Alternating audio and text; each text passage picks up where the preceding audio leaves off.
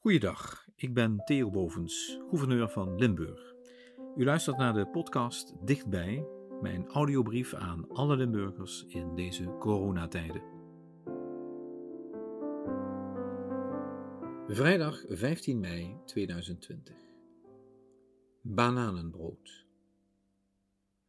101 jaar geleden koos Nederland, toen onder een Limburgse minister-president, voor het vrouwenkiesrecht.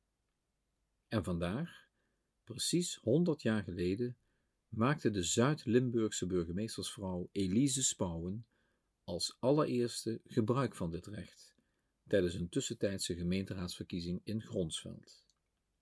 We mogen dat wel een momentje van volwassenwording van onze democratie noemen. Al wordt juist nu, 100 jaar later, die democratie wel een beetje op de proef gesteld. We moeten ons opeens allemaal aan noodverordeningen houden waar geen gemeenteraad over heeft kunnen stemmen. Sterker nog, onze gemeenteraden en ons provinciaal parlement kunnen zich nu best gemankeerd voelen. Nu ze elkaar niet recht in de ogen kunnen kijken, naar toch minder sterke digitale middelen moeten grijpen en ook de inspraak minder kans krijgt. Maar toch denk ik dat onze democratie weerbaar genoeg is om corona te overleven. Meer zorgen maak ik mij over de democratie in die landen, ook binnen Europa, waar de democratie niet al honderd jaar heeft kunnen rijpen. Waar machthebbers corona juist voor hun karretje spannen om meer macht te verwerven en de oppositie dwars te zitten. Ook die verzwakking van de democratie mag zich niet als een virus over de wereld gaan verspreiden. En ondertussen maakt mijn staf, grotendeels uit vrouwen bestaand, me er fijntjes op attent dat 100 jaar vrouwendeelname aan de democratie nog niet heeft geleid tot vrouwen aan de top van het landelijk coronacrisisteam. De enige vrouw die net zo vaak in beeld komt als Mark Rutte en Jaap van Dissel van het RIVM is de gebarentolk Irma Sluis. En net zo fijntjes maken zij mij attent op een ingezonden brief van een Britse, die ook viraal gaat.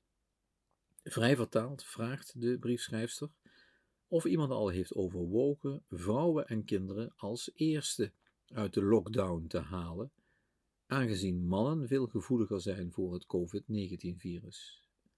Dan kunnen de vrouwen wel even de wereld runnen en zien hoe dat uitpakt terwijl de mannen thuis blijven om bananenbrood te bakken en te klappen voor de zorg. Of ik dit een te gewaagd voorstel vind? Voor Limburg zou ik het wel aandurven. Want honderd jaar nadat een Limburgse burgemeestersvrouw haar eerste stem kon uitbrengen, zijn er nu best wel wat vrouwen zelf burgemeester. Sterker nog, Limburg kent met 42% het hoogste aantal vrouwen in dit ambt van heel Nederland.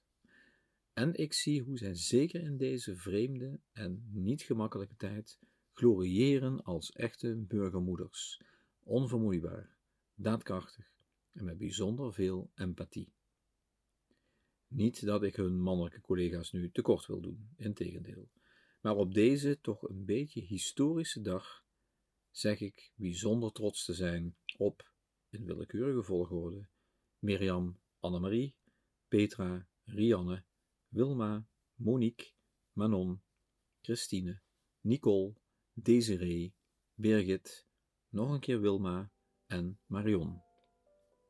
Waarbij ik u absoluut kan verzekeren dat zij beter Limburg kunnen runnen dan dat ik dat bananenbrood kan bakken. Dames en heren, zorg goed voor elkaar en daarmee voor uzelf, zoals we in Limburg gewoon zijn. Tot morgen.